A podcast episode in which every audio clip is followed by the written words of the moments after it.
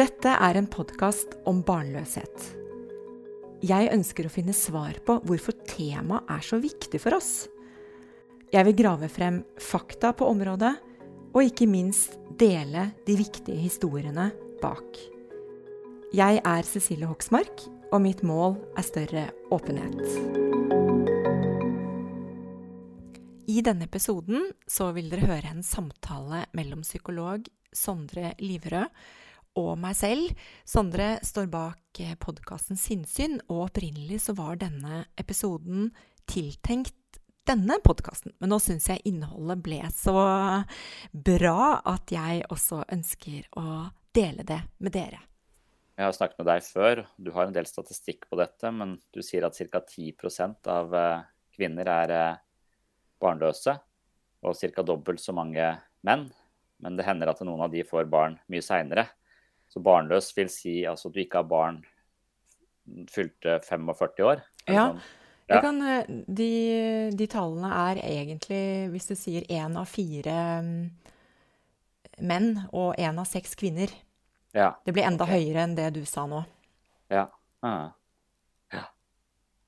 Og, og, det er eh, sårt for mange, og det er et ganske omfattende en omfattende sorg, da, fordi det er så mange det omfatter. Men likevel så snakkes det ikke så mye om. Så, jeg, så Frode Tuen hadde skrevet en innledning til boka di og nevnte akkurat dette at han som parterapeut ser mange par som sliter med å få barn av ulike årsaker og at det er en stor sorg, men at den sorgen rett og slett er underkommunisert.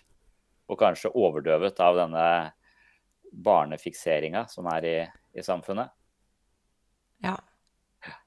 Kan ikke du si litt om, eh, om, den boka du har skrevet, og kanskje jo. om prosjektet ditt, og, og hvor, du, hvor, du, kommer fra, og hva, slags, uh, hva du ønsker å formidle med det? Ja, jeg vil jo si at uh, dette her er jo noe som uh, kommer ut fra, fra, mitt eget liv og min egen erfaring. For jeg strevde jo selv med å få barn i en veldig lang periode, i ti år. Og da opplevde jeg at jeg selv var veldig lukket. Og følte nok på en veldig stor grad av skam. Og var veldig redd for å være utenfor og ikke være som alle andre. Og det er veldig lett for meg å si det nå, fordi nå, nå, skjønner jeg det. Nå har jeg mer avstand til det. Og det er ikke så lett å, å, forstå det når du er midt i det, fordi da er man i en, um, en sorg. En, en, en, periode hvor du ikke tenker at livet ditt ikke kan bli uten uh, barn. Det må bare barn til.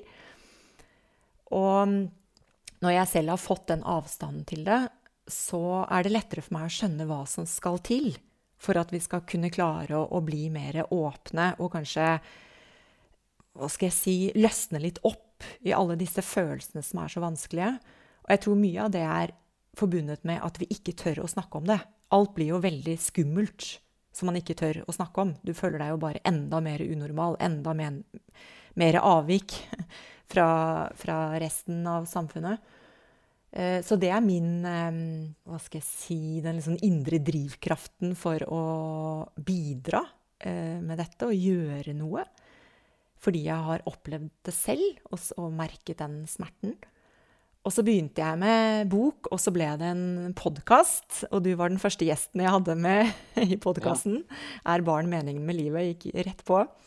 Mm. Og så har jeg utvidet prosjektet fordi jeg skjønner at, uh, at, jeg kan ha en viktig stemme. Og så er jeg villig til å på en måte blottlegge min egen historie da, for en god sak. Nå er det nesten det jeg føler at jeg gjør. Det handler nesten ikke om meg lenger. Dette er jo om noe mer større. Ja. For du, hadde, du, hadde, du prøvde lenge? Ja, jeg har vært i den kategorien som har prøvd alt. Men jeg er ganske glad for at alle muligheter ikke var der. Altså eggdonasjon, som nå er eh, lov i Norge, den muligheten var ikke der. Så jeg fikk stengt den døren tidligere enn jeg kanskje har ville gjort med dagens ordninger, eller hva som er tillatt. Men ti år syns jo jeg er veldig lang tid, da. Det er jo hele mine 30 år. Altså fra jeg var 30 til 40. Mm. Så ikke, jeg skal ikke si at, at det er tid som jeg ville vært foruten, eller som jeg har sløst bort og sånn. For selvfølgelig, det skjedde jo mye annet i livet mitt på den tiden også. Men det er i hvert fall lett å se at uh, jeg brukte veldig mye energi og kapasitet på å forsøke å få barn, uten å åpne opp øynene opp for at det finnes jo tross alt mange andre muligheter for et godt liv der ute. Vi må bare forstå hva vi trenger. Og det, det kan vi komme tilbake til, for det syns jeg, jeg, er veldig eh, spennende. For det fyller jo Barn skal jo fylle et eller annet. Et behov hos deg, tenker jeg. Og så tenker jeg at det behovet, det kan vi erstatte med noe annet. Og så lever det jo så mange mennesker der ute som har tatt den beslutningen selv. Og det skjønte jeg jo ikke når jeg holdt på. Men det skjønner jeg jo nå. Det er veldig mange som har et helt bevisst forhold til det, og som lever ja. helt uh, misunnelsesverdig fantastiske liv, som jeg tenker Fy søren, så heldige dere er som på en måte har sluppet unna mine 30-åra, da. Ja. Hva, hva, har de skjønt da, tror du, liksom? Eh, som eh, du ikke forsto? Ja, altså jeg tenker jo at eh, mine forventninger til livet, de har vært veldig hvis vi nå sier at det er A4, da, fordi at jeg vokste opp eh, typiske boligfelt i Asker, hvor eh, i hvert hus bodde det mor og far og noen barn. Og det var på en måte min, min verden og det jeg kjente. Og det er jo ikke så rart at man tenker at man vokser opp, så, man, så er det det som er eh, tilhører liksom voksenverdien. Eller måten å leve på. Um, så jeg tenker at jeg, at jeg, har, jeg har vært litt fastlåst. Men jeg vet ikke om Det er nok ikke bare jeg som har sånne tanker om framtiden, som egentlig ikke Det er ikke noe Jeg har aldri satt meg ned og liksom tenkt over hva skal jeg bruke livet mitt til? Hva slags egenskaper har jeg? Hva slags verdier? Hva er det jeg ønsker å gjøre og fylle livet mitt med? Jeg tok jo aldri den oppgaven. Og det syns jeg er litt rart at vi ikke gjør. Men det jeg tror, er at de menneskene som har bestemt seg for å ikke få barn, så kan det være at de selvfølgelig selv ikke hadde en god oppvekst, at man ikke har lyst til å bringe dette videre eller være en del av det. Eller så kan det være fordi man har så mange ting i livet man har lyst til å utforske og blomstre på egen hånd, da, uten å på en måte være mm, bundet eh, til barn, og at du ikke klarer å se at, at du trenger nødvendigvis det familielivet. Um, så jeg vet ikke om det er å svare, svare på når du sier hva har de skjønt, men jeg, jeg tenker i hvert fall at de har eh, hatt en mye større bevissthet enn det jeg hadde. Mm. Jeg lurer på om dette er sånn universelt eh, problem på nesten alle områder i livet hvis ikke vi tar litt stilling til våre egne verdier, da. Jeg opplever nesten at det kanskje er majoriteten av de menneskene jeg møter, og meg selv inkludert, må liksom hele tiden minne oss selv på hvorfor vi gjør, eller hva er motivasjonen bak det vi driver med, og hvorfor blir det så viktig, og hvem har satt den standarden som jeg skal leve opp til. For det er nesten som om livet er fullt av standarder som, som bare svirrer rundt og smitter deg, på en måte. Nesten som eh, covid. Så at du, du, får det uansett om du vil eller ikke, så er du hylla inn i en eller annet samfunn, en eller annet nabolag, en eller annen kultur, en eller annen familie som har noen eh, implisitte standarder for hva man skal leve opp til, og så blir det bare, så adopterer man det. Og hvis man da ikke lever opp til det, så vil man føle seg kronisk tilkortkommen. da. Og så er det ikke sikkert at alle de eh, standardene som vi har installert i huet vårt, nødvendigvis er eh, De er kanskje ikke kalibrert riktig engang. De kan være altfor høye, de kan være altfor lave, og, og de kan være absolutt ikke våre egne. Så det er litt det der med med, I går så snakket vi om en leveregel som overdreven kritisk streng standard. Som ofte skriver seg for en sånn betinga form for kjærlighet, da, hvor man blir Altså, Foreldrene kan skryte veldig mye, men de kan skryte på, område, på e, enkelte områder som de verdsetter, og så er de helt tause på områder de ikke verdsetter. Så implisitt så forteller de hva som er verdifullt. Og så adopterer vi disse ideene fra foreldrene våre om hva som er verdifullt, og så lever vi ut de. Og hvis vi har foreldre som er veldig førende på det der, så, så, kan bli, så, kan vi ofte føle at vi lever eh, på andres premisser, og at vi hele tiden er opptatt av å tilfredsstille andres krav og behov. Og da mister vi oss sjøl. Og da, da, kommer det Jeg stiller folk veldig ofte spørsmålet ja, men hva vil du? Hva ønsker du ut av livet ditt? Um, og da er det svaret vet ikke'. veldig, veldig vanlig. da. Og det er litt på siden av dette, kanskje, men jeg tror bare at samfunnet nettopp setter opp en sånn forventning om barn, f.eks. De setter opp en forventning om skolegang, de setter opp en forventning om eh, sosialisering, antall venner, hvordan du skal se ut. Alt dette her kommer på en måte på oss og er ting som, eh, som blir våre egne standarder. Og med en gang det da ikke er mulig å leve opp til av ulike årsaker, så kan vi komme til denne følelsen av eh, ja, tilkortkommenhet. Da, er, eh, så, så, det å virkelig gå sine egne verdier etter sømmene, det tror jeg er, det, det tror jeg er en, en, oppgave de fleste bør gjøre. For Hvis ikke så kommer du til å leve prosjekter som ikke nødvendigvis kan være sykelige. Særlig hvis du bare adopterer samfunnets normer og, og sammenligner deg via andre mennesker på Instagram. Liksom. For da er du i hvert fall helt fucked. Da kommer du aldri til å føle deg veldig, veldig bra. Det er alltid noen som har en ferie som er litt, litt bedre. Og utseende eller hva Ja, kvinnehelse, altså. Som er i skuddet for tida.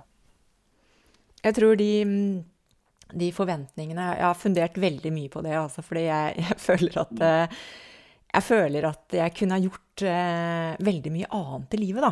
Enn det, mm. det, jeg falt ned på. Og så er det ikke det at det er noe galt, det jeg har gjort. Jeg ble biolog, jeg er glad i naturen og opptatt av mm. miljø og, og på den tiden. Men det er veldig mye annet jeg også kunne gjort. Jeg, jeg flyttet altså ikke et år til utlandet, som mange andre gjorde. Jeg turte ikke det. Føles, føles, veldig rart nå, som ja. mer eldre. Så det var et eller annet som jeg har følt liksom holdt meg tilbake. Og så har jeg fundert på om min oppvekst, som jeg hele tiden har tenkt har vært veldig bra, med litt sånn Ikke alt, men, men i det store og hele. Kanskje den ikke har vært helt bra likevel. For jeg vokste opp egentlig i en skilsmissefamilie, og det skjønte ikke jeg før jeg var voksen. Men det var jo fordi at det ikke var foreldrene mine som var skilt. Moren min hadde to uh, sønner fra før, og så flyttet min far inn sammen med de. Og, og, så kommer jeg til verden, og da er mine brødre tenåringer. Og de ønsker ikke å ha min far der. Altså, de er, bare hater han, de vil bare ha han ut. Og det fikk jo veldig utagerende ja, med krangling og høye stemmer. Og jeg kan huske at jeg sto bak en dør og gråt. Og da er jeg fire år. Og det er klart at sånne ting setter jo veldig spor. Og det har jeg husket på, men ikke, jeg, jeg, tror ikke jeg liksom har tenkt at, at, jeg har vært en del av en skilsmissefamilie, og at det faktisk var litt utrygt. Det var litt ustabilt hjemme. Ja. Og så tenker jeg at det, det er ikke noe sånn Eh, dette er jo ikke veldig dramatisk. Jeg ble jo ikke utsatt for noe, men, men jeg har da sett andre voksne med, som jeg hadde tillit til, krangle og sånn, og det er sikkert sterkt nok. Og så har jeg lurt på det om, om det har vært årsaken til at jeg som voksen ønsket noe som var trygt. At jeg ville ha min egen familie med en mann og så barn som bandt oss sammen. At da ville jeg skape det. Jeg er ikke helt sikker, men jeg, jeg har fundert på det, faktisk. Um, så det kan ligge noe der. Eller så ville jeg jo også ha tenkt at jeg kunne jo blitt helt sky. At jeg tenkte nei, nei, det familiegreiene, det blir bare trøbbel. Det skal ikke jeg inn i. Så jeg kunne også ja. landet på noe, på noe ja. annet. Mm.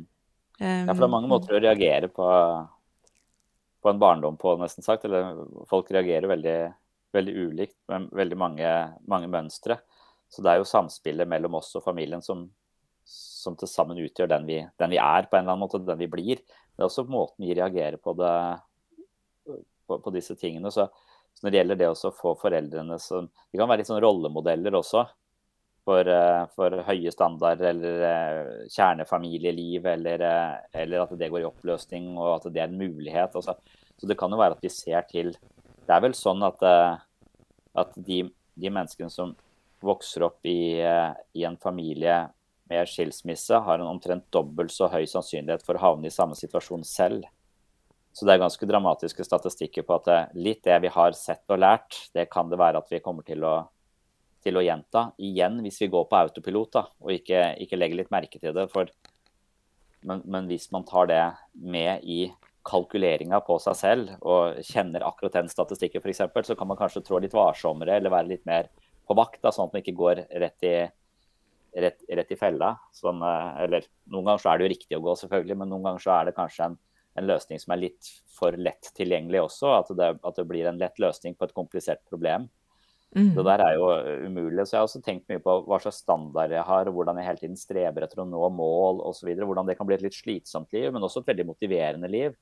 Så alt det foreldrene mine på en måte har gitt verdi, da. Det har jo vært en slags gave, og dette har verdi. Dette, du, eh, dette er et livsprosjekt som, som, vi mener har verdi. Ikke nødvendigvis med barn, det har, det har, ikke jeg reflektert så mye over før jeg snakket med deg. Eh, så, så, det har jeg ikke tenkt noe Men, men mer sånn ja, bøker har verdi. Faren min er lærer. Øh, lese har verdi. Og, og så har det blitt noe jeg også da har skjønt at det har verdi, og så adoptert. Og Da kunne det blitt et slags fremmedelement. hvor jeg sa at dette er ikke meg. Eller jeg kan ta OK, du har vist meg en retning som, er, uh, uh, som har vært fin for deg, og så viser det at den var fin for meg, og nå, nå, eier jeg den, på en måte.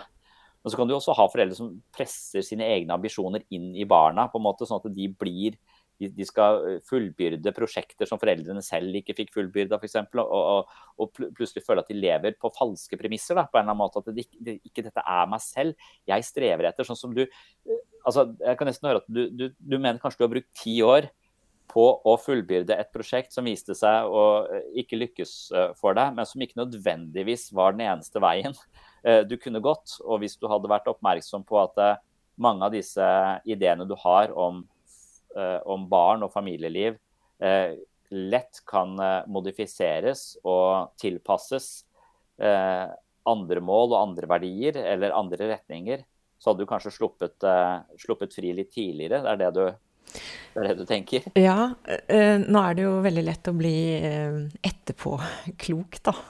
Mm. For i den Når du er der, så går jo bare ukene og månedene, og til slutt blir det år, ikke sant? Så mm ja. Jeg tror ikke Det er ikke sikkert at um, hvis jeg hadde fått en ny mulighet, at jeg hadde, at jeg hadde gjort noe uh, med litt mer um, kunnskap, uh, om jeg hadde gjort noe annerledes. Ja. For det er jo all motstanden vi har i livet som til syvende og sist definerer oss, på en måte, og, og, og gir oss den lærdommen vi har. Så det er jo ikke sikkert man hadde fått den innsikten hvis ikke man hadde gått den veien. På, på noen måte man er, så kontrafaktisk tenkning, som det heter, og prøve å tenke at hvis jeg hadde gjort noe annet på et tidlig tidspunkt, så hadde livet mitt sett annerledes ut. Det er mange som bruker mye energi på det, uten at det er spesielt eh, eh, konstruktivt heller. Nei, det er... Så, så heller bare se dette, har jeg, har jeg, dette er en erfaring jeg har fått, og dette er en erfaring, sånn jeg ser det, du har omdannet til noe meningsfullt. Og det er jo litt sånn at, at man det, det, ser jeg hos noen mennesker, at de klarer å omdanne eh, en eller annen form for sorg og tap i livet sitt til noe veldig betydningsfullt. Og det synes jeg det er alltid fascinerende å se. Jeg snakket med en, en dame som har mista sønnen sin i selvmord, bl.a. Og hvordan hun har et type selvmordsprosjekt, litt à la ditt eh, åpenhetsprosjekt rundt dette med barnløshet. Så, så hun, hun, har den samme åpenhetsprosjektet rundt, eh, rundt, selvmord. Og da blir liksom den største sorgen eh, i hennes liv, da, det blir eh, også en, en, kilde til mye mening. Ja. Det er jo litt fascinerende. Det er veldig fascinerende. Jeg skjønner nesten ikke at det kan gå an, men det er som om eh, det ligger helt voldsomt mye energi i det. Og det gjør det jo. Det er voldsomt mye energi i sorg, tap, bitterhet alle de følelsene vi egentlig har lyst til å ha bort, de er det enormt mye. Altså de, er, de, de, kveler deg jo, de tar jo hele din energi. Man merker det jo psykisk og fysisk. Den energien, den kan man jo på en eller annen måte dra med seg videre. Hvis man klarer å på en måte å hva skal, jeg si Gi litt sånn slipp på det, da. Og liksom akseptere at eh, nå må du akseptere at livet ditt blir uten barn og uten familie. Mm. Eller så mm. kommer du jo ingen annen vei. Da står du og mm. stamper i dette. Og så kan du bruke all den der kraften som på en måte er der likevel, da. Fordi det er så sterke følelser som settes i sving. Det er så eksistensielt. Man får litt sånn Hva skal jeg bruke livet til nå, da? Litt sånn stort blikk. Og, og kanskje ikke seg selv som den viktigste lenger, fordi man blir jo veldig navlebeskuende når man er i en sorg og forsøker å få barn. Så er det jo bare seg selv og det prosjektet alt handler om. Så det er veldig mm. deilig å kunne liksom fri seg fra det. Mm. Og heller liksom mobilisere den energien. Jeg klarer ikke helt å forklare det, men det, det, er, det er, akkurat det som har skjedd. Det er helt, uh, kommer som en gratis pakke med energi hele tiden. Viktigheten, Mm. betydningen. Og så ser jeg jo selvfølgelig at det, at det gir noe også. Altså, jeg, jeg får lov til å være Gjøre noe nyttig. Jeg Ja. får lov til å ha en verdi. Og jeg Mm. kan nesten ikke skjønne hva annet som måler seg med det. Nei, nei det, det er absolutt eh, veldig, veldig interessant. Men når du sier ingen familie, er, er, familie liksom at Mener du at familie må ha barn, eller tenker du på ikke parforhold, liksom? Eller eh, Ja, ja, det er også interessant, for at jeg har jo veldig sånn definert hva det er i hodet mitt. Men det Ja. har jeg også lært meg, selvfølgelig, at det, den kan jo bestå av veldig mye. Ja. Men jeg hadde jo da sett for meg at jeg um, bodde sånn at uh, vokste opp med foreldrene mine og meg, fordi brødrene mine flyttet jo ut når jeg var ganske liten. Da var det oss. Eh, så det betyr at jeg så for meg at jeg hadde en mann, og så så jeg for meg at vi hadde noen barn. Ikke så veldig mange. Ett eller to, Nei. eller noe sånt. Men det Ja, er liksom min sånn kjernefamilie, eller det jeg kaller Mm. familie. Og så har jeg jo forstått det at det begrepet er jo Det kan du jo fylle med det du ønsker, egentlig. Ja. Men jeg tror, for å liksom forsvare den tanken, da, som jeg kjente Mm. nå var kanskje litt sånn fastlåst fakt, fortsatt, det er jo at samfunnet er bygget opp rundt en familie. I går på Dagsrevyen så var det der. Hvor mye kostnader får en familie nå fra 2021 til 2022 med alle de økte utgiftene? Vi har beregnet ut fra en normal familie, to voksne og to barn. Mm. Da, da satt jeg i sofaen og tenkte det er litt rart at dere fortsatt tenker sånn. Det er ikke sånn nødvendigvis at en husholdning består av det. Men dette her er så Det lever så sterkt i samfunnet, og hvordan politikere uttrykker seg, hvordan vi snakker. Hvor mange barn har du? Har du ett eller to, forventer man da kanskje som svar. Og har du tre? Jøss! Det var mange. Altså, det er noe sånn Det er ikke så lett å komme seg forbi den der, da. Nei. Jeg, jeg, jeg, jeg tenker faktisk det. Altså. Selv jeg som har grunnet så mye over det. Ja. Men, men jeg syns ikke nå, Akkurat nå så ak Jeg sier akkurat nå har jeg ikke kjæreste, for jeg tenker at jeg kommer til å få meg Ja. kjæreste. ja. Så jeg tenker ikke at jeg kommer til å leve livet mitt uh, alene. Nei, så du, du kan se for deg hvis du har en, øh, og du har en partner, så kan jo det være en familie, liksom. Ja, sånn. jeg tror nok at, Ja. eh, jeg vil, eh, at jeg vil si det, ja. Og si det er en familie som bor sammen, kanskje? Eller er det, Ja, en familie eller, som bor sammen. ja. eller, eller, må du, eller er det bare rett og slett å ha en Eller er, en familie den består av flere enn to, da? Er, er, en, er, to stykker et parforhold og en familie minst tre? Hvis du får en hund, da? Er, er, kvalifiserer du da? Og Ja. Volvo? Har du da familie? Ja. Jeg vet ikke, men når, når man tenker på de, de tingene, så, så er jeg også Nå i det siste så er altså, Av og til så vender jeg tilbake til den litteraturen på ensomhet. Eh, og da ble jeg sånn slått i bakken av hvor, eh, hvor avgjørende driver det er i nesten alle, både fysiske og psykiske sykdomsbilder. da. Jeg husker det er en sånn Vibeke Murthy som jobba i helsevesenet i, USA. Han var vel sånn leder for det offentlige helsevesenet en periode. Og han var jo opptatt av denne opioidkrisen og alt sånt. sånn. Det er mye uhelse i USA. Men når han var rundt og undersøkte dette, så var det ensomhet som, eh, som stakk seg frem som en slags eh, faktor hos eh, veldig mange av disse menneskene. En, en psykolog har vel, har vel forsket på dette og sagt at ensomhet gir deg en 50% større sjanse for en for tidlig død. Altså, så, og det, diabetes altså, Det er vel kanskje fordi at vi fra evolusjonens side har et slags behov for å høre til og ha eh, noen sammensvorne, noen som hjelper oss i tykt og tynt, og noen vi kan hjelpe i tykt og tynt. sånn at eh, når du har samla inn noe mat og skal legge deg, så må noen passe på den maten mens du sover. Så ensomme mennesker har ofte søvnproblemer også.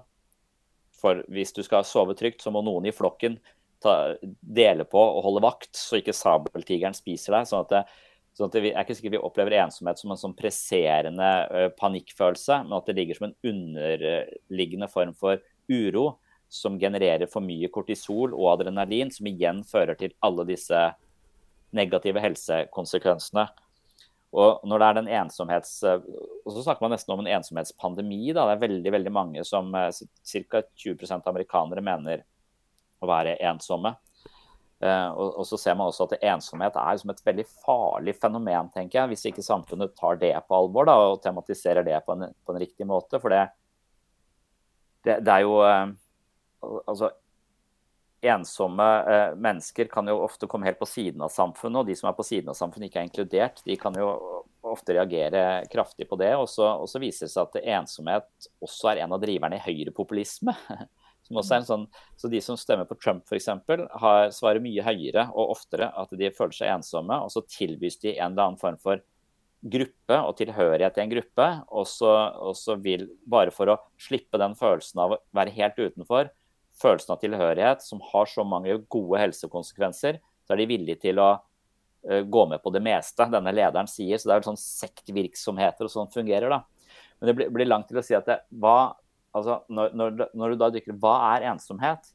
Og ifølge en del sånne uh, rapporter så sier at ensomhet er i ulike lag. Da du har den intime uh, ensomheten, eller den, den, innerste sirkelen, og så har du en vennskapssirkel, og så har du en kollektiv form for ensomhet. Hvis du flytter til et annet land, så risikerer du kanskje en kollektiv ensomhet fordi du føler at det, du ikke går helt i samme takt. Det er noen små koder du ikke helt forstår, så du føler deg bitte litt utenfor kollektivt sett. Um, det å bare hilse på folk på butikken vil være en måte å stimulere den kollektive uh, relasjonen på. Da. Sånn at du hilser på folk eller Jeg ble så glad når noen Jeg var på stranda i sommer, så var det noen som spurte om jeg kunne passe på tinga deres mens de var på do. Og da ble jeg så jeg ble så stolt. altså Jeg fikk tillit av, tillit av et fremmed menneske. og det, og det, det, ble jeg så glad av. Så jeg begynte å spørre folk selv om det. da, Det er en sånn måte å skape slags kollektiv tilhørighet på. Og så går du ned i den vennskapssonen som er eh, hvor du, hvor, du, trenger folk som du møter regelmessig. Det trenger å være en viss grad av optimisme i, og, og, glede i den relasjonen. Og den må inneholde sårbarhet for at et vennskap virkelig skal, eh, skal ha eh, de helsemessige gevinstene. Da. Og jeg tror at mange har mange venner, men med en gang de er veldig usikre på seg selv og prøver å være noe annet enn det de er, så spiller de en form for skuespill, og så kommer den der helsegevinsten ikke så heldig ut, for plutselig så er de på en scene med sine nærmeste. Altså, De er, har ikke en oppriktighet. Prosjektet ditt er åpenhet. De har, de, de har, en følelse av at jeg må prøve å være sånn som de tenker at jeg burde være. Altså Du igjen ikke kjenner etter på hvem du er, men du er ytrestyrt på en eller annen måte. Og Det tror jeg hemmer oss ganske mye i den vennskapsbiten. Og så går du inn til den innerste kjernen, hvor du ofte kanskje bare har én eller to, som ofte er familie, partner, en eller annen helt eksepsjonelt nær bestevenninne, bestevenn, et eller annet sånt. Så så de fleste mennesker jeg møter, har en slags mangel i en av de sfærene der. da, Enten den intime, den vennskapelige eller den, eh, eller den kollektive. Og Noen ganger så tenker jeg at jeg lider mest i den midterste vennskapsgreia fordi jeg prioriterer den intime for høyt pga. barn. For at barn på en måte trekker deg inn i den innerste sirkelen så ettertrykkelig, for de krever så mye. At du, du, du, du, prioriterer det så mye at det går på bekostning av de andre sirklene. Så jeg tror kanskje mange som har barn, opplever en type Det var litt jeg tenkte på når jeg møtte deg sist, at du, virker veldig åpen og snakker med, med, med folk og sånn. Så, så, så, at du, prioriterer eh, den, den vennskapssirkelen høyere enn meg. Uh, sånn at, og, tenker, og, det har jeg alltid tenkt når jeg leser om ja, hvis jeg skal vinne helse, så skal ikke jeg gå på helsestudio. Jeg skal prioritere vennskap høyere. For det er det mer helse i enn for meg. Altså, det er mer skadelig å være ensom enn å røyke 15 sigaretter om dagen, sa hun der psykologen. Så der er det mye. Men det er kanskje litt i den gata der også at folk føler at hvis jeg har en familie, så har jeg i hvert fall så er det et sjekk på den innerste sirkelen. Den uh, frykten for ensomheten eller utenforskapet Eh, er nok liksom eh, og, og, og, da vet jeg ikke hvor mange, hvor mange arenaer samfunnet tilbyr for tilhørighet. Mm. Jeg har tenkt eh, mye over det fordi jeg føler at jeg strevde så mye med å liksom finne ut av eh, hva, liksom, hvem skal jeg være sammen med, liksom, på en måte. Mm. Ja. Eh, når eh, Jeg jobbet jo den gangen da, hadde jeg fast jobb i et legemiddelfirma, og der følte jeg Og det er veldig lett å tenke sånn til alle andre, men det var sånn jeg følte at alle andre levde i et um, familieliv som var veldig stabilt, ikke sant, og så begynte de å kjøpe seg hytte, og så kom det dit og sånn, mens jeg mens jeg ikke hadde noe av det i det hele tatt. Så jeg følte at jeg ikke hadde noe å bidra med i liksom, diskusjonen rundt bordet når, når, temaene kom på dette. Og jeg syntes det var litt kjedelig, og så ble jeg litt provosert, og så ble jeg litt sår. Da kjente jeg på mitt eget savn over ikke å ha dette her. Så de vekket jo De pirket jo i det da, underveis i samtalen. Um, så jeg følte det var noe jeg savnet. Altså den daglige kontakten med noen som liksom passer litt på deg og følger deg opp. Mm. Som du kan ringe til, ikke sant. Liksom, mm. 'Du, nå har det skjedd det og det', og En, ja. en sånn person. Det, ja. det, vil jeg si at det tror jeg at livet mitt blir bedre hvis jeg har en sånn person eh, ved min side. Ja. Det er jeg ganske overbevist om.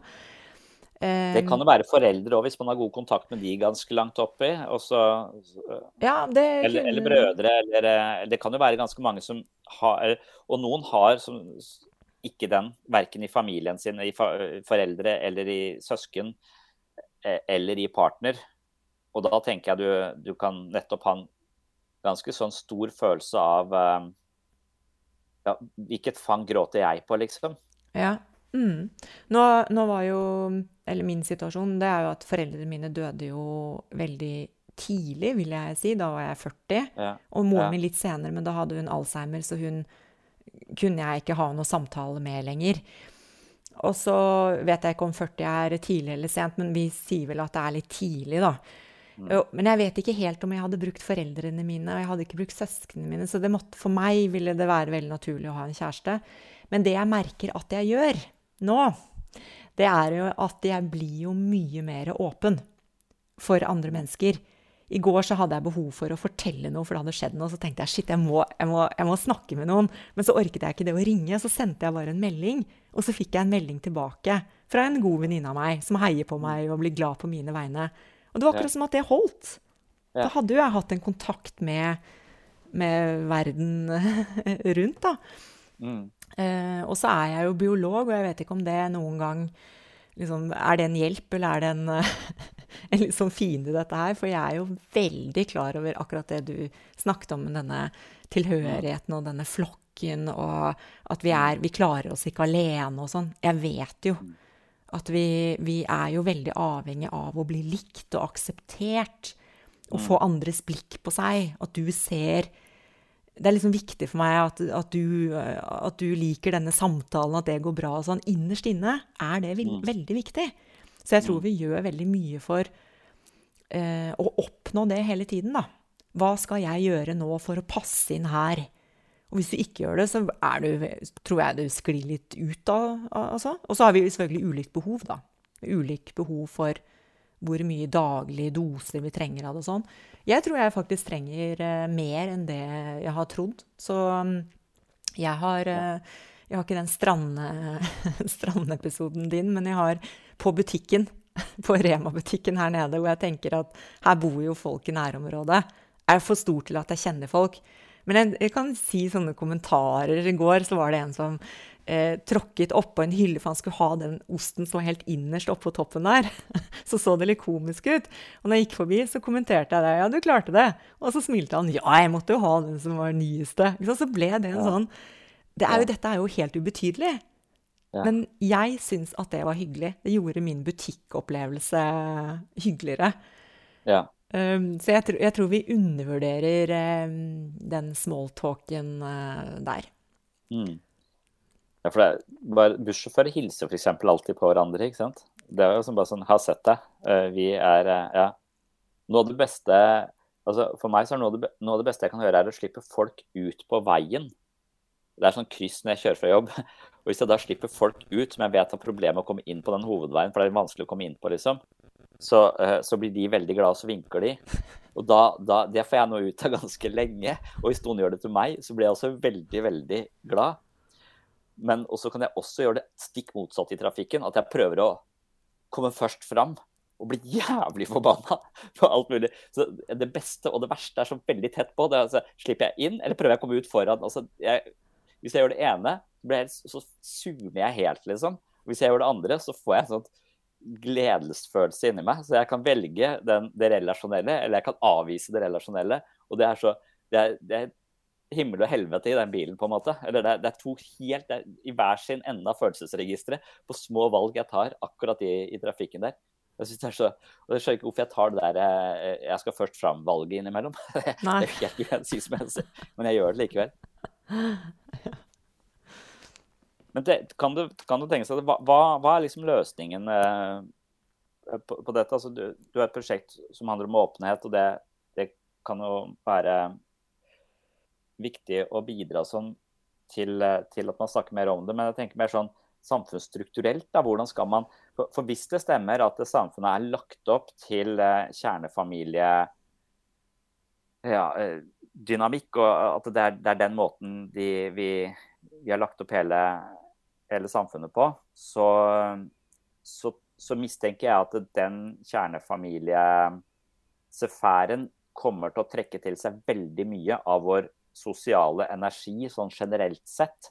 Og dermed så blir det sannsynligvis litt sånn som jeg er et uh, eksempel på, at jeg sannsynligvis bruker for lite av, min, uh, av mitt uh, sosiale reservoar i det vennskapelige og i tillegg har ganske høy på introversjon og sånn, sånn at det, det, er ikke 100% naturlig for meg engang å, å ha så veldig mange sånne uh, nære vennskap, nesten sagt. Um, så, så når jeg leste den boka til Vibeke Murphy som heter 'Together', så sto det sånn Ja, mange mener at de har gode venner, og så ringes de to ganger i året. Ja, det er meg.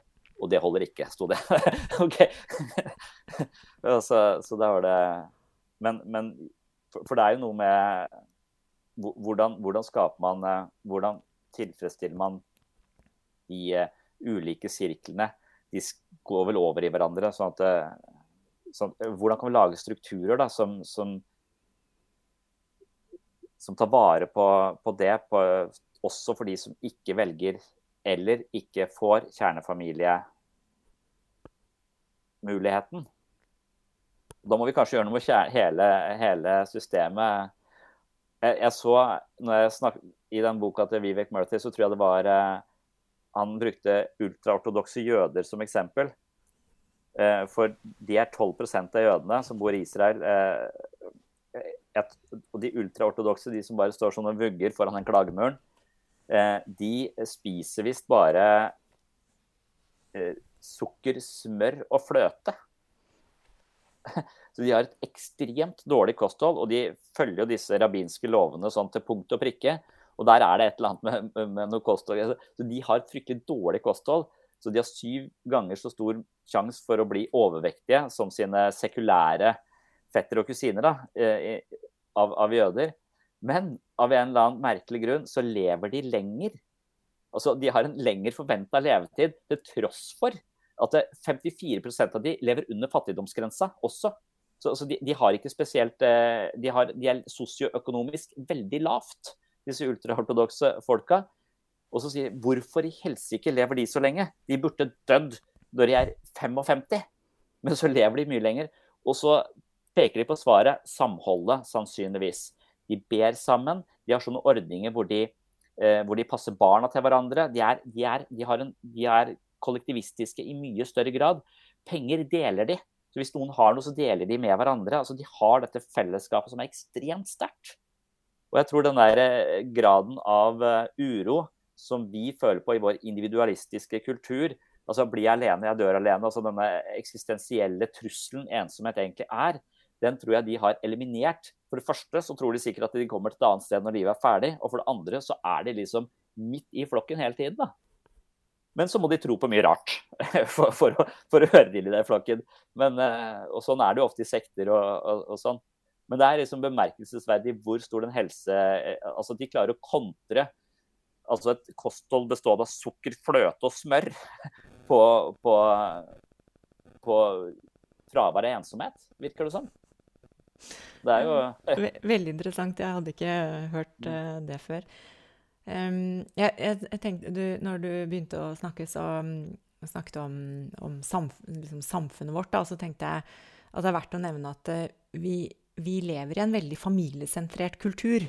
Det er litt sånn ja. det, det, vet vi på en måte om, om, Norge. Eller Norden, kan vi kanskje si. Um, og så har vi en veldig altså strenge sosiale normer. Ja. Så vi er ikke så gode på å takle disse avvikene. Så med en gang man går ut av normen og, og, ikke har barn, som vi nå snakker om, da, eller bestemmer seg for ikke å få barn, så er du egentlig utenfor det som vi tenker på som normen. Og så er det noe som at uh, vi har veldig stor grad av tillit til hverandre. Vi stoler på hverandre. Det med 'passer du på tingene mine på stranda' og det der. Um, og det gjør også at vi, at vi, blir litt tettere forbundet, men da er det også viktig at vi er veldig like. Akkurat som den uh, jødegruppen som du forteller om. da.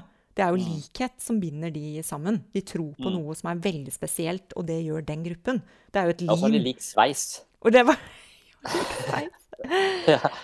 um, og da, da, er det jo, da er jo det um, så sterkt at det er veldig vanskelig å det føles uh, som om du trosser disse normene når du lever et annet liv. Mm. Og, det, og, vi bekrefter det også, ikke sant? Vi sier jo sånn Jo, men kommer få, det kommer til å ordne seg for deg. Altså mm. ordne seg. Altså du kommer til å få barn, du kommer til å få en kjæreste. Vi bruker sånne ord. Ja. Og da med, det er ganske sterkt, egentlig. Akkurat som det ikke er nok i seg selv at du Linda sånn vokser opp og gjør det, det, eller finner på noe annet og gjør det og det, liksom. Det er akkurat som vi ikke helt liksom ja. godtar det, da, aksepterer det. Og at ja. alt annet er uh, litt sånn annenrangs. Uh, og jeg tenker at det der er, det der er ganske sterkt, for det handler om å, å, føle at man er blitt invitert med i et fellesskap. Og, og det er mulig I mitt hode så ser jeg på dette her med litt sånn barnløs-brillene på, da, selvfølgelig. Men det er jo at eh, i en verden hvor man har barn, så er det jo veldig mye aktiviteter og sosialt samvær som er av barna. Så du blir invitert med på Du er på foreldremøte, du holder på med noe barnehagegreier, det er skoleavslutninger, det er bursdager til alle disse barna. Jeg tipper at det er ganske mye i din kalender som er fylt opp rundt dette med barna dine. det er så mye ganske... at jeg føler jeg får hjerteinfarkt av det.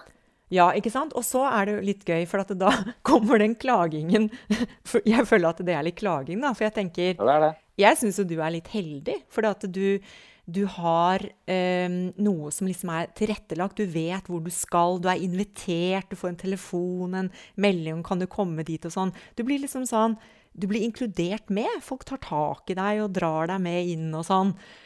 Og jeg, jeg har veldig få sånne arenaer hvor noen sier Cecilie, nå trenger vi deg, liksom. Jeg har fått det i prosjektet mitt. Nå skjønner jeg det. Mm. Jeg kan ikke stoppe med dette prosjektet.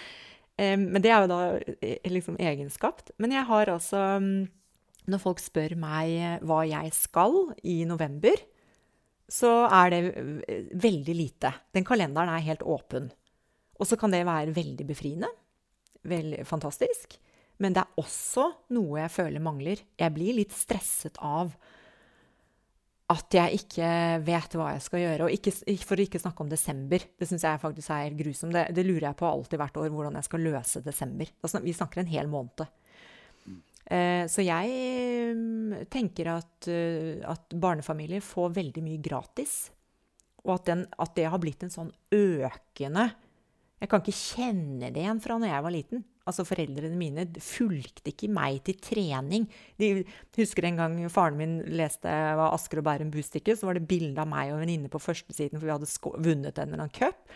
Og så sier faren min 'Jøss, har, har, du spilt fotball?' Mm. Så ikke sant, bare det er jo Jeg lo av det, da, for han, han, visste det egentlig, men han glemte det sånn og trøtt på morgenen og sånn. Men, men det, bare det sier jo litt om at vi har endret oss veldig til at disse barna skal få veldig oppmerksomhet. Og da stjeler de din tid. Den har du, forteller du nå at den har du brukt opp. Og det, sånn opplever jeg det også med mange av mine venner. Som jeg må Altså, jeg må bruke veldig mye tid for å skape aktivitet. Mitt sosialt, sosiale behov må jeg bruke, investere veldig mye i. Mm. Uh, og det er ikke en ulempe, for det er jo en slags trening. Jeg blir jo veldig god på det etter hvert. Og kanskje ikke så sår for å, for å få nei og folk ikke kan. Det ble jeg veldig i starten. Jeg syntes jeg var skikkelig tungt. Eh, da tenkte jeg nå gidder jeg ikke å ta kontakt med deg mer på et halvt år. Jeg kunne bli sånn. Men nå så tenker jeg mer at folk eh, liker at jeg tar kontakt. Folk liker å høre at eh, du, dette jeg har, jeg har, noe veldig spennende her. Jeg, jeg, trenger en å diskutere med. Har du lyst til å gjøre det? Mm. Og det liker folk. Så Men jeg føler jo at jeg må jobbe eh, mye for å fylle det sosiale behovet mitt. Ja. ja. For det var det vi snakket om første gang vi snakket også, som vil være mitt Når du spør er barn meningen med livet. Det tror jeg var det den spørsmålet du lufta når du var her eh, hos meg for en ja. stund siden. Eh, og det er akkurat dette elementet her som jeg tenker er eh, eh Det er mye gratis. Eh, altså at det i hvert fall altså, jeg, jeg, har nok vært sånn desperat Jeg husker når jeg skulle flytte til et annet land og ikke kjente noen og sånn, så var jeg nesten sånn da, Jeg var, definerte det ikke som frykten for ensomhet, men jeg følte meg nærmest sånn desperat. Første skole da, alle smiler og skal på universitet og sånn. Men da tenker jeg at det, står desperate mennesker som trenger relasjoner, for her har de ingen. Men alle var i samme båt, så du bare flokker sammen med mennesker du sannsynligvis aldri hadde eh, hadde para opp med i andre omstendigheter og så oppdager du alle mennesker du har gått glipp av. på en måte sånn at du, Det er en sånn sosial hunger der. da, for at folk er et, i hvert fall Når du kommer fra Norge og du er et annet land, og, du, og så finner du en annen norsk, og så blir du kjent ikke sant, så, så, så du er sånn veldig på men, men, da har du universitetet som rammen for, eh, for den eh, samhandlinga. Og, og, hvis jeg bare hadde flytta inn til det landet og skulle jobbe og ikke hadde hatt særlig kollegaer, sånt, da skjønner jeg ikke åssen jeg skulle gjort det. Og når jeg da er eh, litt sånn introvert i utgangspunktet, så, så, hadde jeg nok bare gått rundt med mye frykt og usikkerhet. Jeg vet ikke helt åssen Så jeg tenker at det, det, du sier med barn, at det, det gir deg så mange arenaer som når du har det, tar det for gitt, og du opplever det som stressende. fordi at det, for jeg føler jo at det er jeg glemmer noe helt til. Noen skal, dra, noen skal kreve noe av meg hele, hele, hele tida, liksom. Så mye at det blir overveldende. Eh, så, så jeg klarer ikke å, å, følge opp i det hele tatt, da. Og det er eh så, så, så, da føler man jo liksom at man prøver å man, At livet har pressa deg litt opp i en krok. Eh, hvor, hvor, det er så mye, mye, krav, og du prøver liksom bare sånn Nei, eh, jeg, or jeg orker ikke mer. Og det er vel fordi at man da har så mange sånne arenaer som, eh, som jo egentlig er veldig verdifulle fordi de skaper relasjon. Og noen sånne arenaer må jeg si er direkte giftige også. Du kan si foreldremøte. altså Der er det eh, Der må du ljuge litt for å komme deg unna uten å, å måtte skamme deg for den du er. altså Der er det høythengende standarder, og de blir bare høyere og høyere. og høyere og høyere.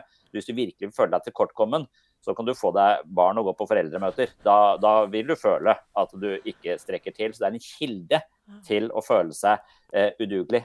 Eh, så, sånn sett så er det en del av de arenaene som er litt, er, er litt giftige også. Men jeg skjønner hva du mener. Vi har på en måte da eh, man, man på, det, er, det, er, så ujevnt fordelt, da. No, noen får for mye av det, så de blir overvelda eller har for mange sånne forpliktelser inn i de arenaer. Og noen må jobbe aktivt for å komme inn. Og, og, jeg tenker det er beundringsverdig. Jeg, jeg, ser på det som en slags sånn psykologisk muskel. Da, å klare å skape seg et, et, et, eh, en arena, et nettverk, en måte å leve på uten hjelp fra etablerte strukturer. Og det er der jeg er så opptatt av mennesker som tenker at jeg orker ikke arbeidsliv. Du, du, har, du, kommer til psykisk helsevern, du har en depresjon, du har angst, eh, du du har et eller annet symptom, og du tenker på en eller annen måte at jeg makter ikke nå lenger jobben min. Jeg må ut av og Det kan være jobben som er årsaken til det, altså. men, men jeg, må, jeg, må, ha en sykemelding. Jeg må hjem.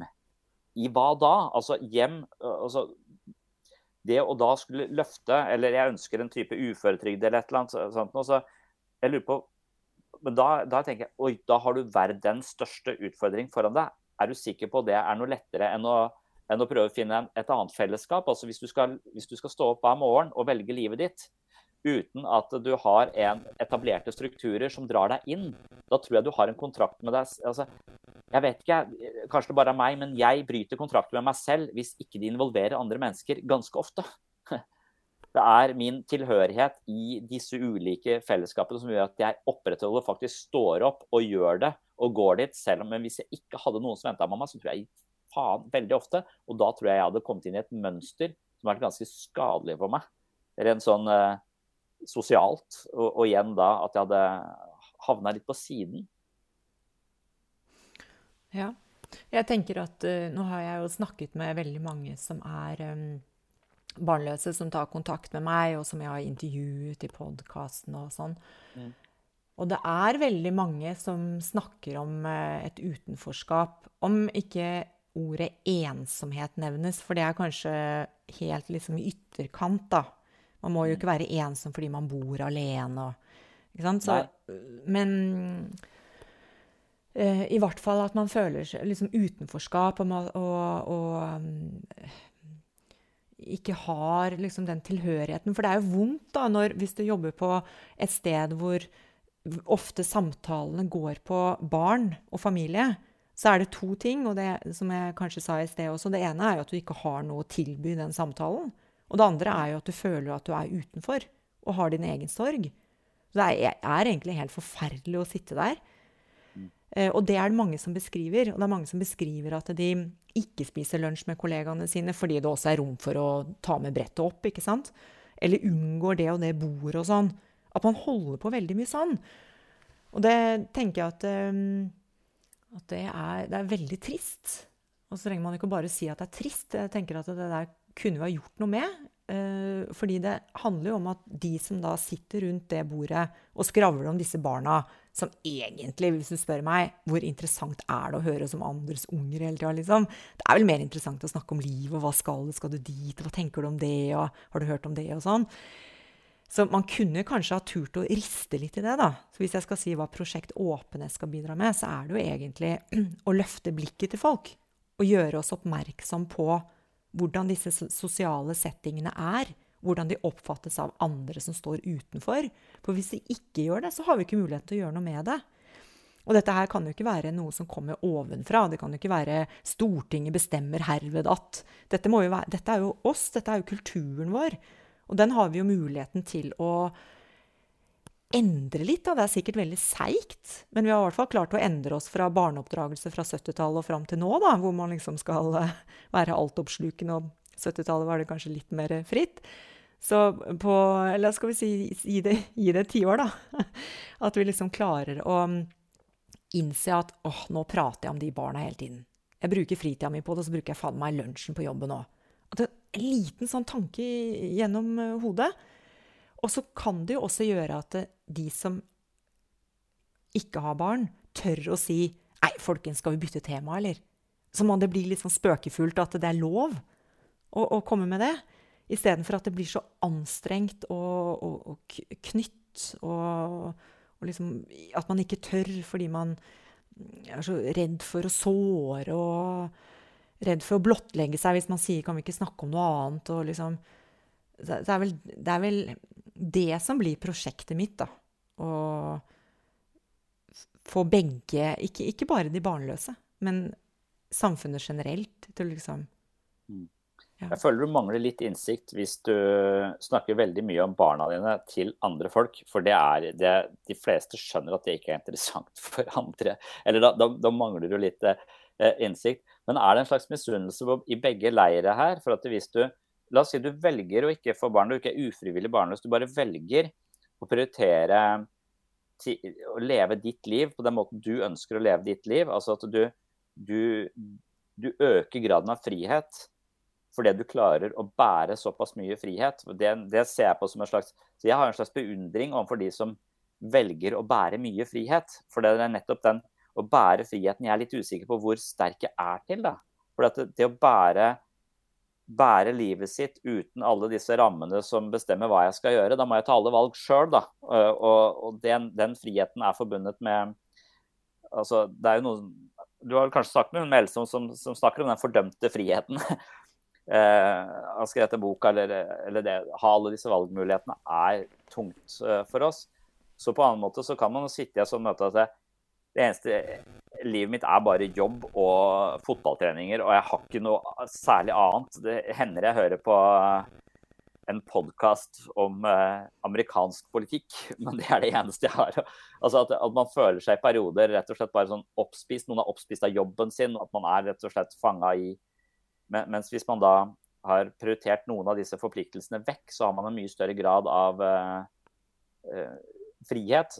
Hvis man har valgt å klare å bære det, da. Så man kan jo se litt sånn beundringsverdig på det fra den siden òg. At man rett og slett kan føle seg litt kjedelig og, og, og, låst i sin situasjon overfor mennesker som har mye større frihet. Og så er det de som da havna i den friheten ufrivillig. Som ikke klarer å bruke det som en frihet, men bare som en sorg, som du også beskriver. Og da vil, da vil all det pratet om barn bare være en slags påminnelse om eh, det jeg mangler. Eller det, det jeg skulle ønske, eller det, det som ikke ble. Og et, eh, et, sånn smertefullt eh, fokus. Så mm -hmm. Ja, jeg, jeg, tror kanskje det kan være misunnelse fra begge leire, fordi jeg hadde jo men, jeg, men, det er som du sier, da. Jeg hadde jo ikke valgt det selv, og da var det vanskelig å nyte den friheten. Men jeg ser jo det nå. Alle de reisene jeg har vært på, alle turene og alle kursene og alle folka jeg pratet med. liksom, kan styre hverdagen selv. Det er jo egentlig vært um, helt fantastisk. Men jeg, i starten så klarte jo ikke jeg å nyte det. Jeg gjorde det for å fylle opp tiden min, sånn at jeg ikke mm. skulle sitte for mye hjemme alene. da. For det skjønte jeg at det ville jeg ikke ha noe godt av. At jeg liksom måtte fylle det med noe annet som tok ny oppmerksomhet og ga meg noe glede. og liksom, At det skjedde noe, da. Um, men jeg tenker også at de som har valgt det selv Jeg berømmer også de veldig, da, for jeg tror de har, lever veldig gode liv. Rett og slett. De er så tro mot uh, det de selv uh, ønsker. Um, det virker uh, sunnere enn et liv hvor som jeg, som absolutt skulle ha den familien, som skulle liksom fylle mitt behov for noe som var trygt, eller noe jeg manglet liksom i, i livet. Ja, du mm. kan jo tenke at de, noen av de er sunnere, men noen av de kan også kanskje være sånne karrierejegere som er veldig sånn egosentrisk motivert også. Hvor, hvor de istedenfor å sette inn eh, kjernefamilien som hovedmål, setter inn eh, høy lønn og prestisje. Og, og, løper på livets tredemølle eh, og, blir andpustne fordi at det, alt dreier seg om et eller annet sånt. Jeg tror vel hele tiden, Uansett hva vi gjør, så er det vel den underliggende motivasjonen vi har hvis vi hele tiden skal nå et mål der framme og hele tiden strever etter det og, og, og gir det en sånn altoverskyggende prioritet, så, så, så, kan det også bli en sånn eh, litt sånn egosentrisk perspektiv. Da. Hver gang jeg føler jeg mangler noe som jeg skal ha, så blir jeg jo litt fanga av min egen, min egen, mangel.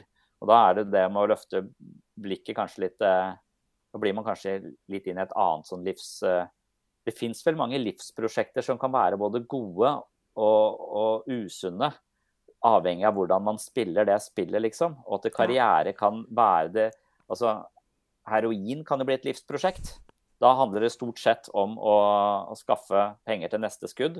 Og det må du nesten bruke all tida di på. Da har du ikke tid til verken barn eller, eller noe annen jobb, nesten sagt. Og det, det er jo også et, eh, et, innhold, på en måte. Men det er ofte et veldig skadelig innhold, fordi det har så mange bivirkninger, akkurat det det, det, stoffet. Men hvis eh, status er ekstremt viktig for en, da, og, og man da tenker at jeg har, ikke, jeg har, egentlig ikke tid til andre mennesker, for jeg må bare jobbe med min, min egen karrierestige.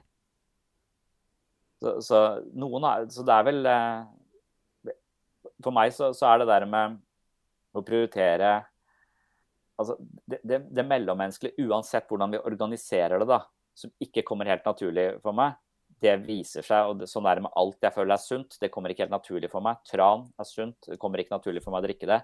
Eh, det, det er så mange sånne ting. Og akkurat det sosiale også, at det er, det er Aristoteles snakker om teliske og ateliske aktiviteter. Og teliske aktiviteter det er det du gjør for å nå et mål. Eh, det er en standard du skal leve opp til, det er et mål du har satt deg. Og, så kommer misnøyeparadokset. Det er mye motivasjon i å nå det målet, men, men når du ikke når det, så føler du deg mislykka. Og når du når det, så vil ofte gevinsten føles litt sånn triviell og tom. Du forventer at det, nå skal det bli bra. Og så, og så uteblir den voldsomme gleden du hadde, du hadde håpet på da, ved å nå målet ditt. Så ved å ha sånne teliske, altså telos, ha et formål, det vil være Det risikerer en litt slitsom måte å leve livet sitt på. Vi må ha mål. Og hvis vi ikke har noen mål, så er det ikke nesten noe vits i å stå opp om morgenen. Men for meg så er det der med å ha ikke, eller ateliske aktiviteter, ting jeg gjør bare for at det å gjøre det er en slags eh, verdi i seg selv.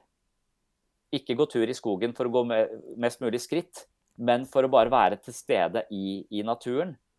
Og da tenker jeg det å være sammen med mennesker bare for å være sammen med mennesker uten å skulle bli likt av de, skåre et sosialt poeng, få de bekjentskapene, sånn at det, det kan jeg loggføre altså, eh, Ikke nettverking, bare være sammen. For ethvert sånn prosjekt som er atelisk, da, som jeg mener også kan gi Aristoteles mener at det også kan tilføre livet veldig mye mening. Så han mener at mening i å nå et mål, men det er også mening i aktiviteter du gjør og, og, gevinsten er i aktiviteten i seg selv. Det er ikke noe du skal nå, du skal bare gjøre det. Og, og der mener jeg at eh, det, det, å være sammen med venner er en, eh, kanskje den viktigste ateliske eh, aktiviteten vi kan gjøre. da, Bare ha, være med, med mennesker som vi, som vi, bryr oss om, og som bryr oss og, og, og jeg har av og til tenkt sånn Hva skal jeg få ut av det? Hvorfor skal jeg gå ut der? Hva er vitsen med det? Jeg har jo så mye annet jeg eh, trenger å få gjort.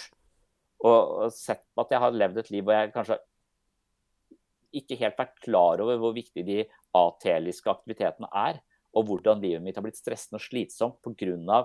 slags overfokus på å nå disse målene og komme dit og gjøre det her og osv. Og, og det er eh, så, så, så, der er vi tilbake til den ATL, det der å bare være, ha, bare være sammen og, og prioritere det relasjonelle. Men hvis det relasjonelle Altså hvis småbarnsfamiliene har tatt monopol på det relasjonelle og har bare sugd seg selv inn i hver sin lille hule, så, så, så er det nesten umulig å gjøre det valget å stå utenfor, da. Fordi at eh, For det, da er det ikke nødvendigvis eh, et eller annet samspillsmønster tilgjengelig. Det er, ikke satt i system på noe, på noen måte. Og det er vel kanskje det du vil til livs, da. Men, men hver gang jeg snakker, så tenker jeg hvordan, hvordan skal det gjøres, da? Skal man bli ultraortodoks jøde? Er det det som er Skal du skape en sekt?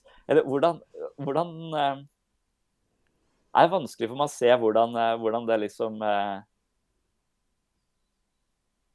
Rent sånn praktisk. Jeg tenker prosjektet ditt blir viktig, men det er vel sånn babyskritt, da, kanskje, eller gå små skritt hele tiden for ja, å kanskje ja. skape en større Du kan ikke revolusjonere dette her på Jeg føler jo at um, jeg føler at jeg dytter på et stort fjell.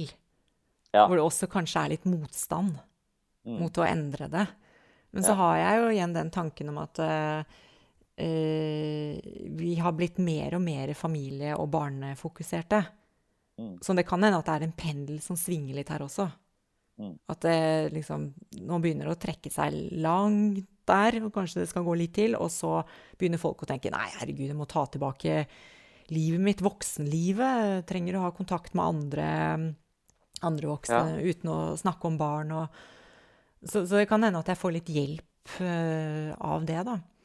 Mm. Men ellers er jeg helt enig med deg. Er det noen tendenser i den retningen at uh, folk får barn mye seinere, og de prioriterer karriere og utdannelse, og er det ikke litt Går ikke pennen litt jo. i den, den, retningen? Jo, og også, det er helt riktig. Og så har jeg også inntrykk av når, I hvert fall i den samtalen jeg har hatt med um, litt yngre folk, som kanskje er i midten av 20-årene og slutten av 20-årene, de har et mye mer bevisst forhold til livet sitt og stiller seg spørsmålet om de skal ha barn. Ja. Og det, det, er en helt ny tanke, etter som jeg skjønner, i hvert fall. Mm. Den tanken var, var, ikke der hos meg i det hele tatt. Det var ikke noe spørsmål om det. Så jeg tror kanskje at det kommer en generasjon som er mer Og det er på en måte på godt og vondt, da, men de er mer selvbevisste. Mye mer hva jeg skal få ut av dette livet her. Mm. Som kan også bli litt egoistisk, kanskje, men jeg tror også det er bra. fordi at det Ja. er jo en, en eh, Hvis man bare liksom toner det behovet for egendyrkelse litt ned, da, og så kan man jo heller liksom eh, berømme at de tross alt eh, tenker liksom hva er hva dine eller sine egne verdier, hva er det? Her har jeg disse mulighetene. Hvor skal jeg begynne? At man blir mye mer åpen. Og ikke nødvendigvis eh, ramler ned på at det er familie og barn som liksom er oppskriften på deres eh, voksentilværelse. Um, jeg har i hvert fall blitt veldig overrasket over at eh, det, det kommer fram. Så jeg er litt enig med deg. Det kan være både bra og dårlig, tenker jeg. For det kan også være en sånn tegn eh, på en sånn litt narsissistisk kultur også, som er opptatt av seg og, seg og sitt. Og litt sånn selvforsynt på Jeg trenger egentlig ikke så Ja, at man er litt egosentrisk motivert eh, ofte, og at vi Og at det, det kan også være en eh, det, når, det, når, du leser om det å ha barn, det er barn meningen med livet. så En av fordelene som står lista opp med barn, er at det, eh, det reduserer narsissisme. så Jeg husker ikke akkurat hvilken bok jeg plukka opp det i, men, eh, men det å Altså, det er jo et selvutslettende prosjekt. På, på, på en måte. Det, det, kan være, det kan være det når man ikke lenger vet hva man selv har behov for, fordi man er så oppslukt i, i andres, uh, andres, behov. Og det er nok kanskje en uh, i hvert fall, Det kan jo være en grei justering for et uh, for et litt sånn narsissistisk sinnelag, da. og at det bidrar til, til, at vi må fokusere på noen andre enn oss sjøl. Og det trenger ikke å, å være barn. Men jeg er bare litt sånn Jeg er ikke nødvendigvis alltid så optimistisk på, på menneskehetens vegne, da. Jeg har litt troa på enkeltindividet, men jeg har ikke så veldig troa på menneskeheten. Sånn, så hvis de ikke får litt drahjelp eller blir tvunget litt til å tenke på andre enn seg sjøl, så er jeg litt usikker på om de kommer til å gjøre det. Eller, eller sånn vi, vi, trenger et insentiv, og insentivet for å være eh, ikke Ja, eller på en måte fokusere utover og løfte blikket, som er en del av din bok også. Løfte og se, se ut i samfunnet rundt seg. Altså, så det, det, jeg tror vi ikke alltid ser den langsiktige verdien ved det. Å være til hjelp for noen og prioritere andre og, og inkludere andre. Alt, alt, det der sånn. Det er nok en enorm helsegevinst i det, både for oss selv, apropos bare det å hjelpe noen på stranda eller passe på ting. altså alt, alt det vi kan gjøre der, sånn, har nok veldig mye helse i seg, men det er litt vanskeligere å oppdage enn nå fikk jeg den parkeringsplassen som var nærmest, nå vant jeg. Altså den der konkurransen med å skarre til seg den der følelsen av mangel. Jeg opplever at hele kulturen vår installerer en idé om at du mangler noe. Og hvis ikke du mangler noe, så kommer ikke du til å bruke pengene dine. Hvis ikke du bruker pengene dine, så kollapser hele kapitalismen, hele økonomiske systemet. Det er nesten som vi lever i en hel kultur som skal gjøre oss egosentriske og vise oss hva vi mangler. Eller vise oss hvordan huden din blir mer rynkete, og du kan gå opp til kvinnehelseklinikken og, og få liksom sånn hele tiden. Og når jeg hørte på den podkasten, så trenger ikke å snakke, men den derre Pia Tjelta og de der på den kvinneklinikken altså, du, De to som har den podkasten, husker jeg ikke hva de heter, men, men, de sa at du trenger ikke å vite hva du feiler før du kommer til oss. Vi har eksperter som kan fortelle deg hvordan du Altså bare Ja, du, du trenger ikke å føle på en mangel engang. Vi skal gi deg en opplevelse av mangel, og så skal vi dekke den. Og så skal du betale for det. Så hele den den ideen der sånn den, så, så du, Det derre sosiale og fellesskapsaktige Jeg tror du kan bli sånn småbarnsfascist. Du blir bare sugd inn i deg og dine. Men, men, så tror jeg også du kan bli sugd litt inn i seg sjøl. Hvis ikke du så det er nesten, Først er du sugd inn i deg sjøl. Først var jeg veldig egosentrisk. Så ble jeg opptatt av, av noen andre enn meg selv, som kanskje er de nærmeste en partner eller noe sånt nå. Og så kanskje narsissisme har lagt seg såpass mye at jeg kan begynne å kikke utover. altså Det er en slags trinnvis bevegelse mot mindre grad av narsissisme og en større sånn verdenssentrisk fokus. Så de menneskene som vokser sunt, de vil avta i narsissisme og dermed ha en større kapasitet for å delta på andres vegne og føle en glede ved det. Ikke at jeg mangler noe, men jeg har noe å gi, på en måte. Og jeg, jeg, vet ikke om man kan hoppe rett dit. mm. eh, at man må liksom eh, man må, man må, være litt klok og litt eldre for å forstå det. mm.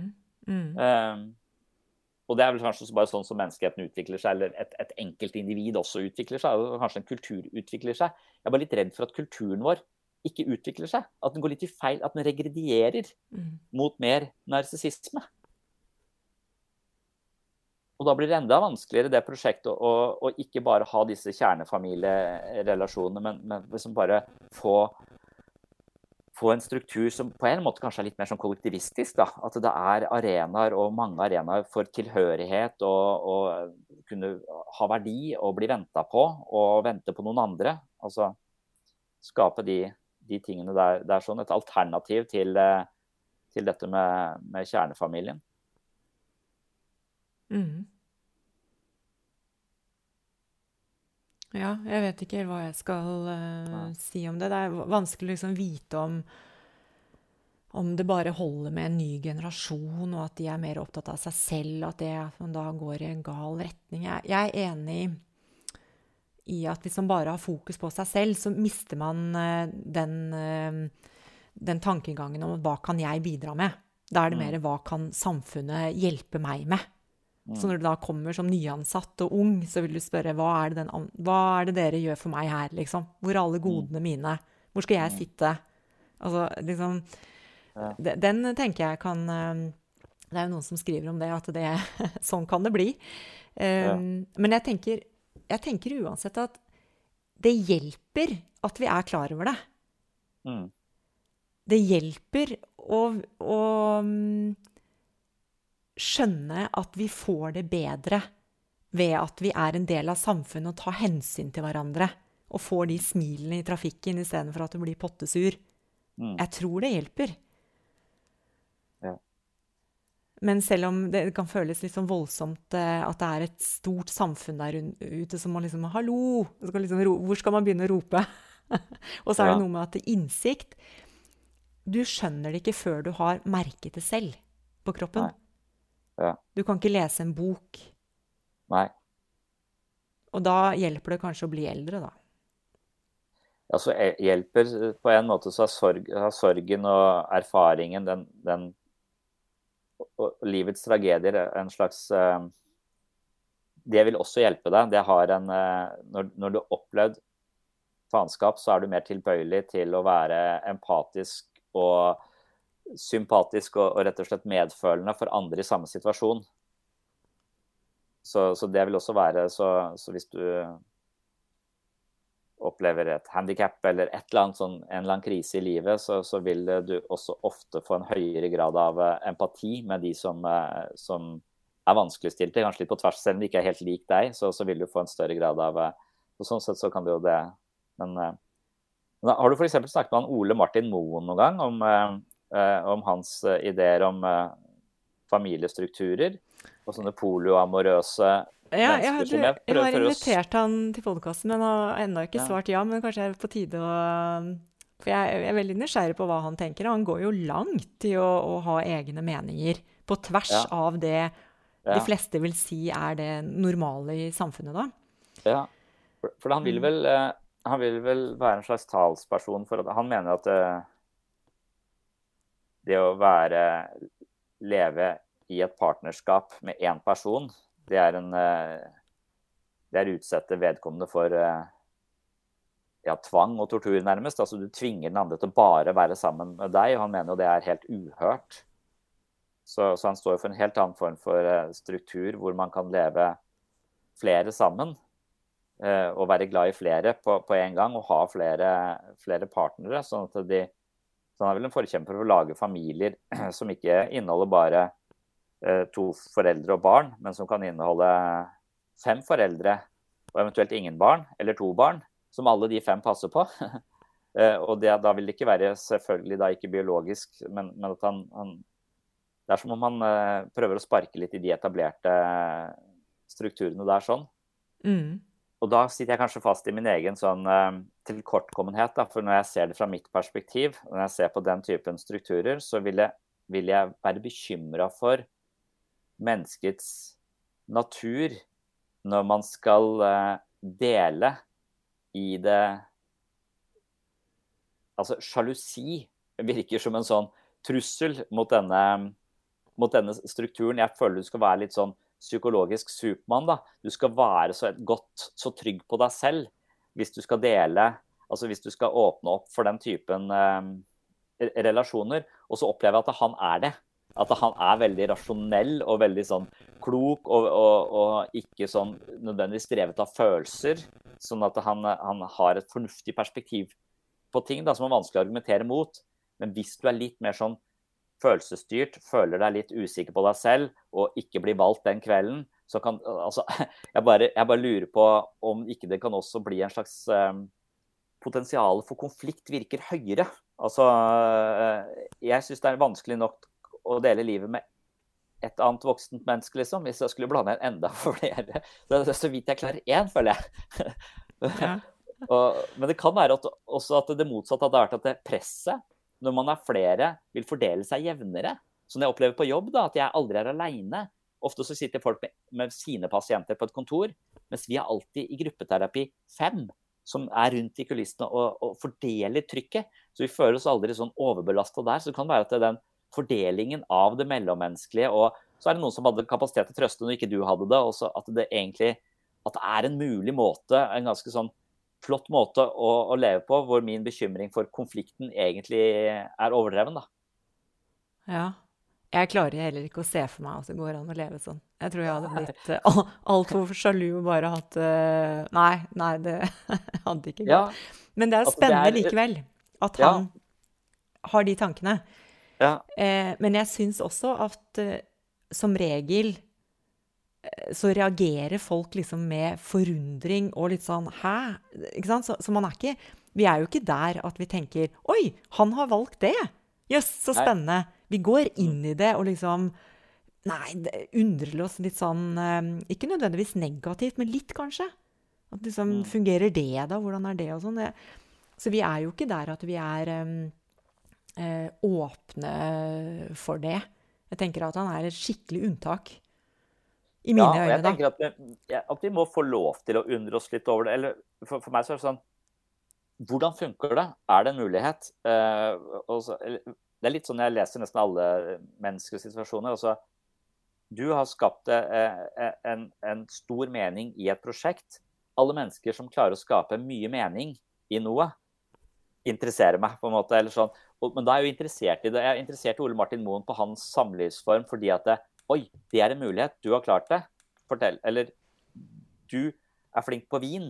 Hvordan uh, åpner du vinlandskapet for meg? Du forstår klassisk musikk. Det skjønner jeg ingenting av. Kan du vise meg altså, sånn at vi, vi, er litt nysgjerrig på den, uh, på den måten å være, å være på? Hvordan, hvordan skaper folk mening? Det er vel egentlig det det dreier seg om. Hvordan, skaper, hvordan er det mulig å skape mening i et liv? Med barn, uten barn, med én partner, med fire partnere. Eh, kun på frimerkesamling, kun på uh, interesse for uh, miljøvern. Altså, noen Alle har jo sin måte, på, på sett og vis. Og kulturen tilbyr noen ferdigsydde maler. Dette pleier folk å få mening ut av. Det karriere mm. pleier folk å få mening ut av. Så vi, vi har en kultur med et slags tilbudstorg av ulike livsprosjekter som, folk, som har vist at folk får mening ut av. Og hvis ikke de passer deg, så må du faen meg lage ditt eget, da. Mm. Og det er vel litt det som kanskje er beundringsverdig med din, eh, ditt prosjekt også. At du ut fra noe som tilsynelatende ikke var en god ting for deg, har blitt en veldig meningsfull ting for deg. Ja. Noe du, du, skaper mening i, som du også Ja. Det er akkurat det. Og det kan Av og til så er det litt sånn Hva er det jeg driver med? Hvorfor, hvorfor gjør jeg dette her? Kunne jeg ikke bare rygget tilbake og levd eh, mitt, mm. mitt vanlige liv, holdt jeg på å si? Men det er akkurat den der kraften i det å, å, å, gjøre noe som gir mening, da. Og for meg så er jo det å skape noe, gjøre noe for andre Jeg bygger opp et fantastisk nettverk. Det er jo så mange som tar kontakt med meg. Jeg kan ta kontakt med andre. Så det er jo en sånn Det er en tilknytning til andre mennesker her også, og en enorm sånn det blir jo kanskje egoet mitt igjen da, som tilfredsstilles, men jeg får jo veldig mange kommentarer på at det jeg gjør, er så bra. Ja. Så, og og jeg, jeg løftes jo veldig opp av det. Men jeg tenker jo også at det er sunt, fordi at jeg, jeg gjør det jo for andre. Jeg trenger det jo ikke selv lenger. Nei. Men jeg har sett den verdien det har gitt meg, da, å få, Ja. få det. Så det har jeg lyst til å, at andre også skal oppleve. Ja. Så det er jo en Men det er øh, Det er jo litt rart at man kan skape så mye mening i noe som jeg uh, var veldig sårt, og som jeg ikke lykkes med.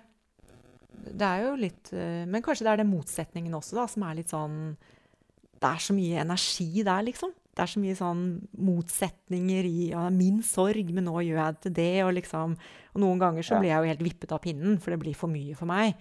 Men det også å liksom tørre å kjenne på det, å være der og liksom eh, Motivasjonen også kanskje til å liksom eh, Jeg skaper mitt eget liv. Min egen driv. Det gir jo Ja. enda mer påfyll av, eh, av motivasjon for å gjøre det, da. Akkurat som jeg har Ja. skjønt noe. Kanskje det? Ja, jeg, jeg føler du har skjønt noe. Jeg føler at du, du åpner Altså, du, du, du kanskje lager en ny mal. Samfunnet manglet en mal for dette. Og så kan man tenke ja, det, det er jo ikke så mange. Jo, det er ganske mange. Det er 10% av kvinner og 20% men det er en jævlig stor andel av befolkningen. Du sa 1 av 4 og 1 av 6. Som, som du eventuelt er med på å hvert fall undres over hva slags mal kan vi lage i, her, her sånn. Også for å lage den malen så har du avslørt at det, huet vårt er fullt av standarder og målsetninger og verdier som ikke nødvendigvis er rasjonelt begrunna på noen måte. Eller i hvert fall ikke ekskluderer andre måter å leve på. Så litt sånn som vi bare må At, at jeg kan føle meg som fra familieperspektivet altså at jeg kan føle meg som en udugelig pappa veldig ofte. Jeg tror det er veldig sunt å føle seg litt som en udugelig pappa, for da er du litt på, på ballen, liksom. Men du, det er, det er, hvis du bare adopterer de standardene for hvordan du skal være, eh, så, så, så vil du hele tiden føle deg tilkortkommen. Så det å avslå til Men noen av de standardene der er helt fucked up. Vi lever i en verden som er så opptatt av sikkerhet at eh, vi kan nesten ikke møte mennesker og snakke om eh, psykiske plager uten å ha skrevet en kontrakt først. Altså, at det, at det, vi er så opptatt av å Eller det er noen standarder som legges for oss som ikke nødvendigvis er hensiktsmessige. Og det er noen verdier som er installert i huet vårt som vi er fiksert på, og som vi tror er eh, default mode, eller det er det alle gjør, det er det som er standarden. Og så viser det seg at det fins 100 veier, eller eh, like mange veier til mening som det finnes mennesker som eh, har kapasitet til å skape mening. Og det å lure folk litt ut, det er egentlig det psykologifaget dreier seg om. Det er å lure folk litt, eller få folk til å tenke over ja, men hvor kom den standarden fra, som du hele tiden ikke når opp til? Eller hvor kom den ideen om at det eneste meningsfulle livet er i den retningen? Hvem er det som har sagt det til deg? Fins det andre mennesker som lever på andre måter, som skaper like så mye mening? Altså, at det, og det å si at kjernefamilien er ikke nødvendigvis den eneste veien til et eh, relasjonelt meningsfullt liv, det, er jo egentlig ganske åpenbart. Men det er ikke sikkert folk tenker over når de går på autopilot. Det er, det er noe som kanskje du setter på agendaen da, og viser, og da, da, tar du liksom Denne standarden her, den har vi levd etter så lenge. Dette her er noe veldig mange mennesker går rundt og tror. Og hvis de da ikke lever opp til det, så kan de, de kan skamme seg, de kan føle seg utenfor, de kan føle seg annenrangs. Altså de kan få masse merkelige følelser bare fordi at de ikke nødvendigvis uh, har tilgjengelig den veien til, uh, til mening. Og så finnes det da sannsynligvis hundrevis av veier til, til mening. Det er kanskje det, det, du gjør, at du bare gjør oss oppmerksom på et uh, verdigrunnlag som, som vi har importert i huet vårt. Da tror jeg svaret mitt er ja. Ja. Rett og slett på det. Mm.